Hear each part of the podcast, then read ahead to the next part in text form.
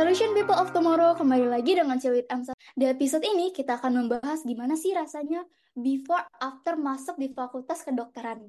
Tapi sebelum membahas lebih lanjut, aku sama partner aku memperkenalkan diri terlebih dahulu. Perkenalkan nama aku Cynthia dari divisi IR atau yang biasa dikenal External Relation dan partner aku Halo semuanya, aku Naura dari Divisi CO atau yang biasa dikenal dengan Community Outreach. Nah, kalian pasti udah penasaran banget gak sih gimana rasanya before and after masuk fakultas kedokteran? Apalagi katanya prodi yang satu ini salah satu jurusan yang paling sulit nih, ya nggak Sin? Aduh, pasti sih. Udah penasaran banget sih, pasti. Nah, karena kalian udah penasaran banget, aku akan panggil guest speaker kita yang merupakan mahasiswa preklinik yang akan berbagi pengalamannya before and after masuk fakultas kedokteran. Wah, siapa tuh? Mungkin boleh kali ya perkenalan diri dulu. Mungkin dari Cijen dulu. Halo semuanya, nama aku Jen Audrina. Aku angkatan 2021 dari Fakultas Kedokteran Universitas Pelita Harapan. Salam kenal. Halo juga semua. Perkenalkan, aku Tamara Agi dari Angkatan 2021 asal Universitas Jenderal Ahmad Yani. Salam kenal semua. Halo Cicin, halo Kak Tama, salam kenal. Nah, aku ada beberapa pertanyaan nih mengenai before and after masuk fakultas kedokteran. Nanti untuk sistem menjawabnya boleh uh, Cicin terlebih dahulu, baru disusul Kak Tama ya Kak. Nah, pertanyaan yang pertama, apakah yang mendorong kakak untuk mengejar karir di bidang kedokteran? Apalagi katanya bidang kedokteran tuh sangat susah banget, banget, banget, banget.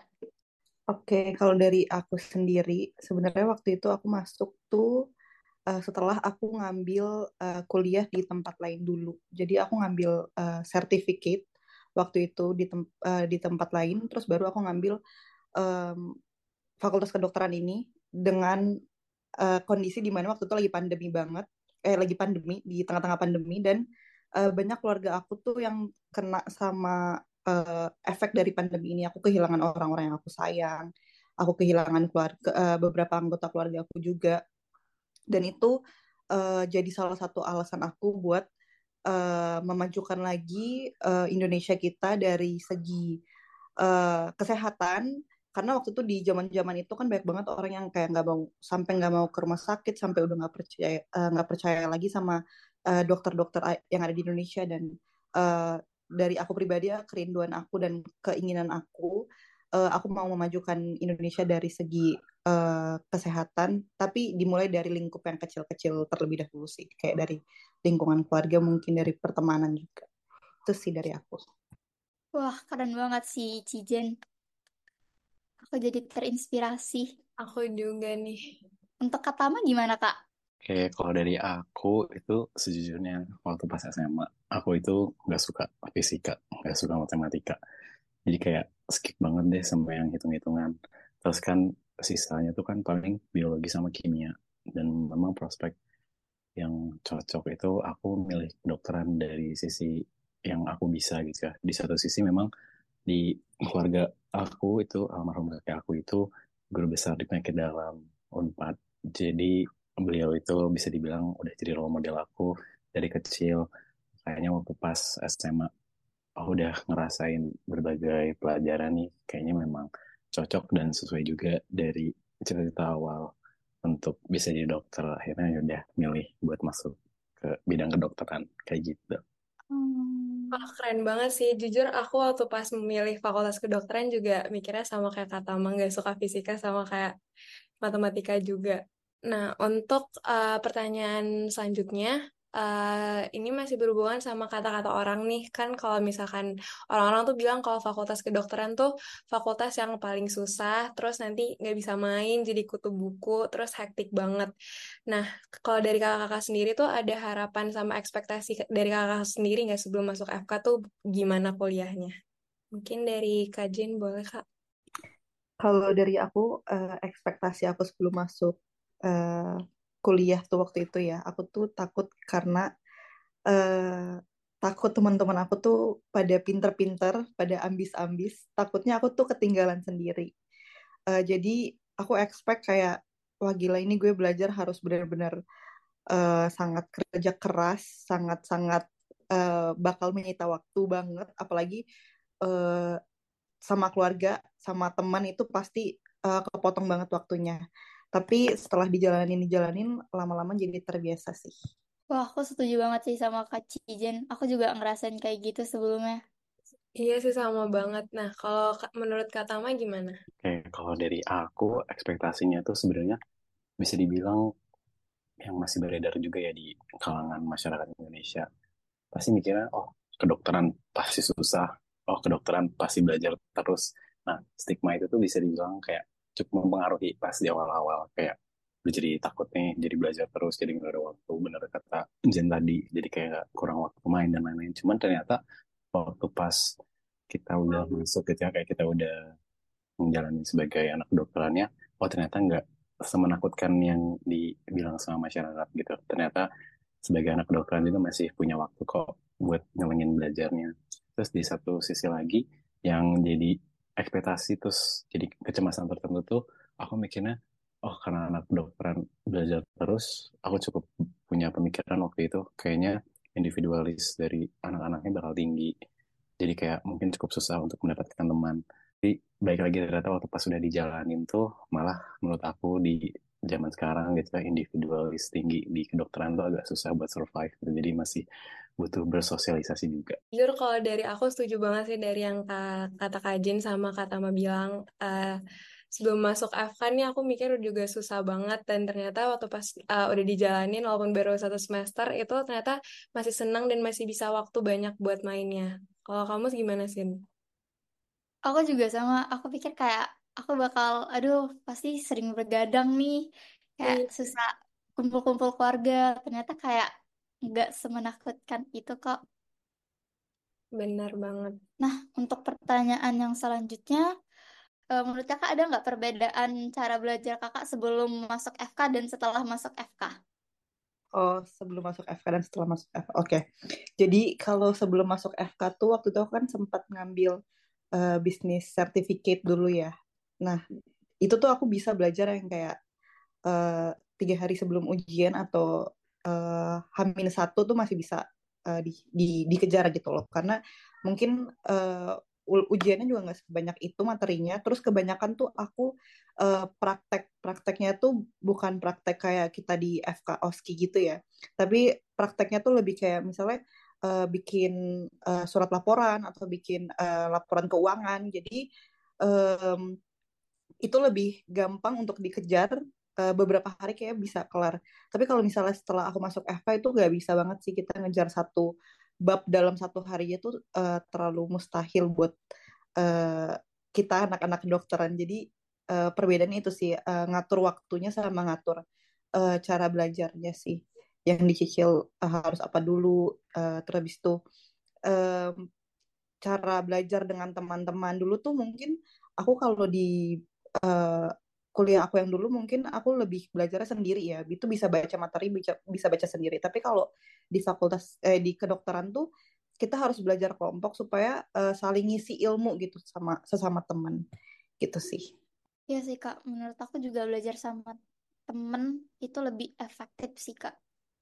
Lebih masuk ke otak gitu belajarnya. Iya, aku juga setuju banget. Untuk belajar sama teman lebih efisien juga. Kalau menurut Kak Tama gimana Kak?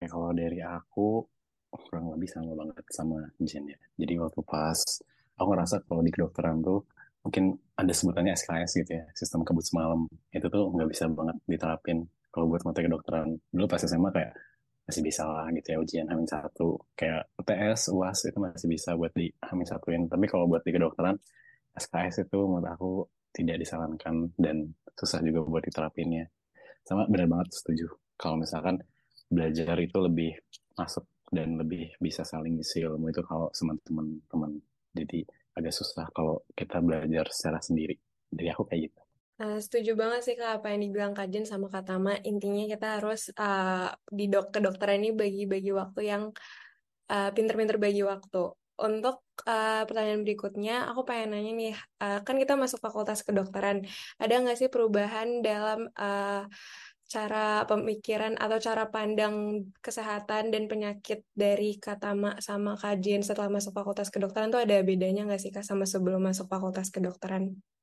um, pasti ada sih dulu mungkin kalau misalnya uh, sebelum apa namanya sebelum kita masuk sebelum aku masuk uh, kuliah kedokteran ini mungkin lebih nganggap enteng gitu ya. Oh iya ternyata ya bisa lah kalau misalnya uh, sakit pusing dikit tidur aja nggak usah nggak usah yang gimana gimana banget. Tapi ternyata kalau kita belajar ternyata tuh tubuh kita tuh terlalu kompleks dan nggak bisa dianggap enteng uh, segampang segampang itu kita mikir tentang tubuh kita.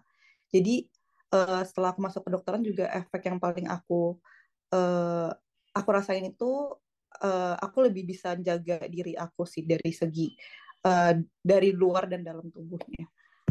Paling gitu sih. Dan bisa lebih bisa ini ya guys kayak uh, kayak ngedukasi keluarga dari keluarga sih dari, ke dari keluarga terus ke teman-teman terdekat.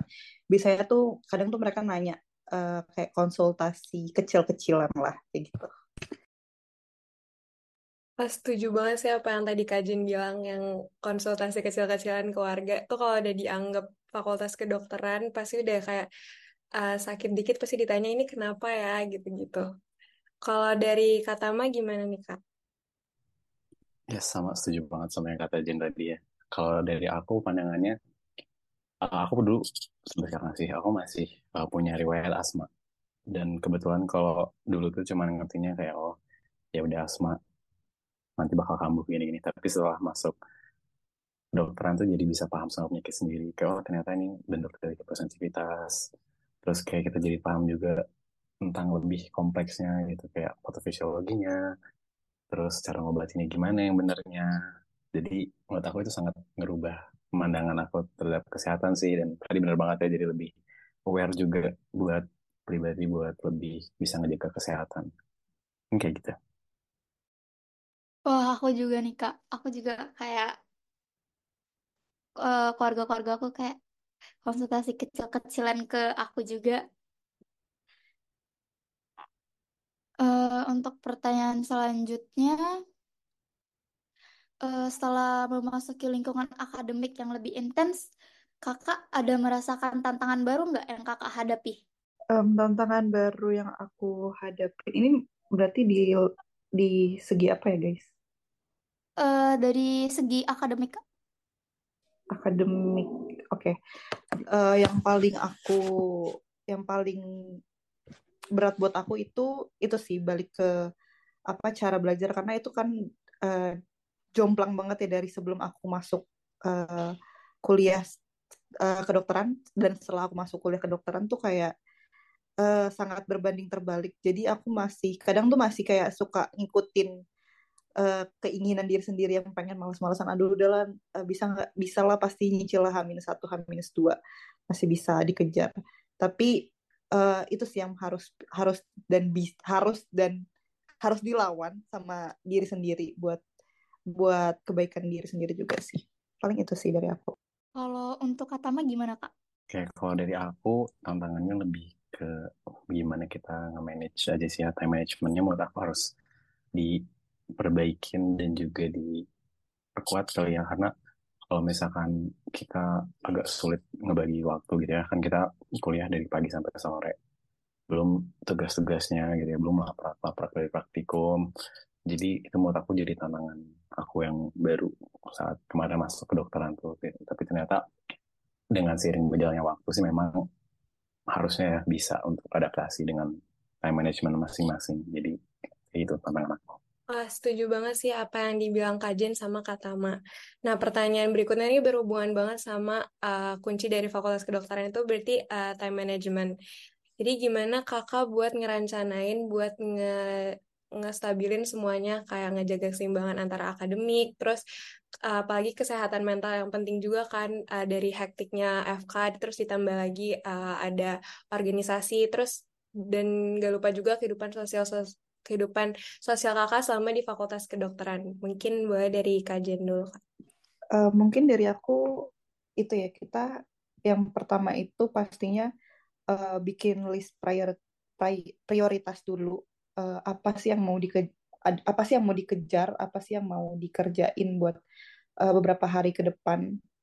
Uh, terus abis itu mungkin uh, setelah kita bikin list prioritas itu ya udah kalau misalnya udah ya kan di checklist checklist checklist. Terus setelah kita melakukan uh, list-list tersebut jangan lupa buat uh, kasih sekarang kan orangnya bilang self reward uh, self reward buat diri sendiri yang kecil-kecil aja. Kayak misalnya uh, beli apa jajan hari ini? Atau misalnya mau apa mau nonton di bioskop nih hari ini. Uh, supaya nggak terlalu supaya kayak uh, kita berasa gitu loh oh gue udah achieve something nih hari ini uh, atau minggu ini. Jadi gue gue deserve sesuatu ini ini yang gue deserve gitu.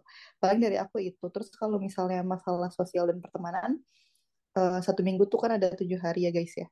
Di hari Sabtu dan Minggu kan kita nggak kuliah. Paling kalau aku tuh di antara dua hari itu sih uh, itu bisa jadi hari free aku. Bisa aku pakainya di hari Minggu.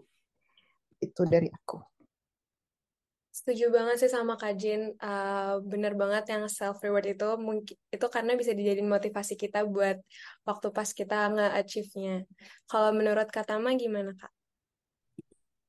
Oke, kalau dari aku jujur ada sangat perubahan perbedaan ya dari segi sosial dan juga pertemanan.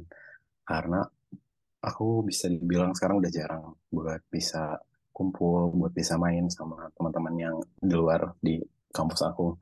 Karena perbedaan jadwal kita gitu. Kayak teman aku libur aku masih ujian aku libur gantian mereka udah masuk. Jadi agak susah kalau untuk aku buat si di pertemanan. Tapi uh, sometimes beberapa saat itu kalau misalkan lagi pas itu aku pasti ngeluangin. Walaupun memang kayak udah disclaimer dulu aku berpisahnya best kuliah jadi mungkin sore ke malam.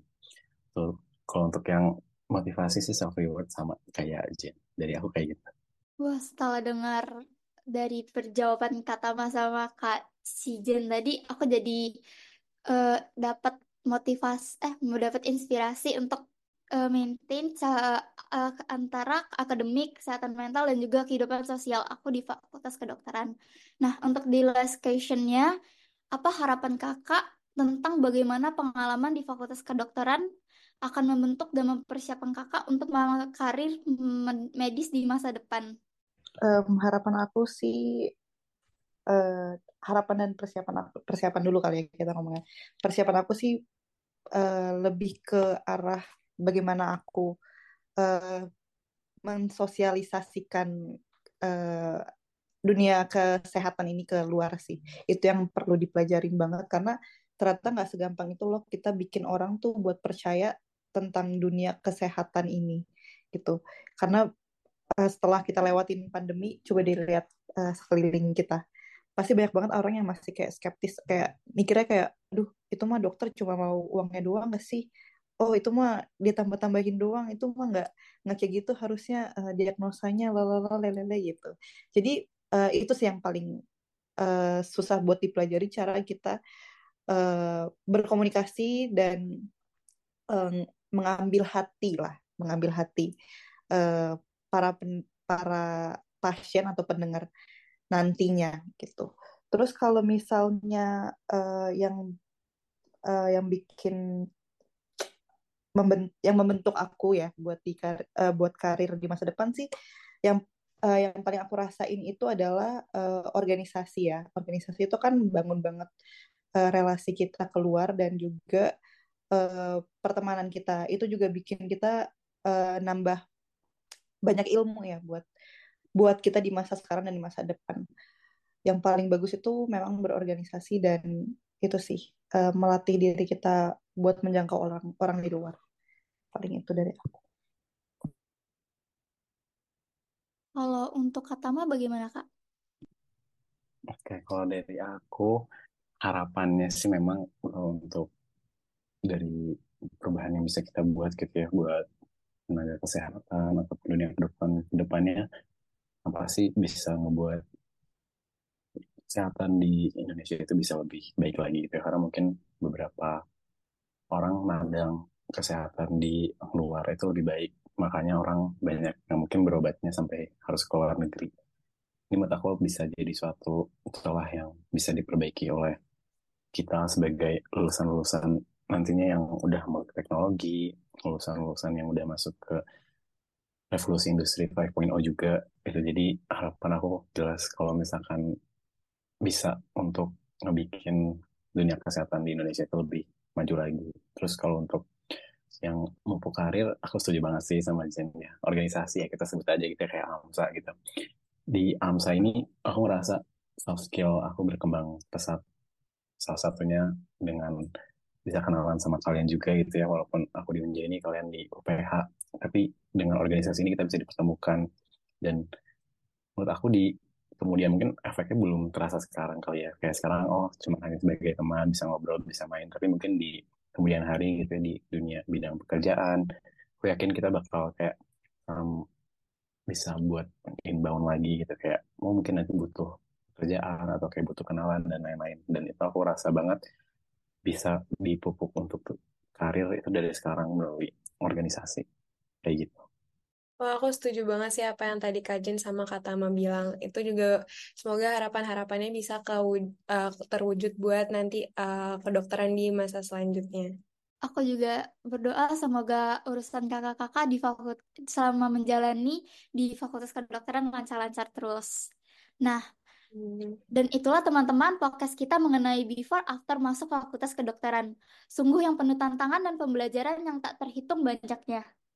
Betul banget nih teman-teman. Kita udah dengerin pengalaman-pengalaman yang inspiratif banget dari Kajin sama Katama yang udah bisa ngebuka wawas yang udah membuka wawasan dari mereka yang telah melewati proses yang jauh ini.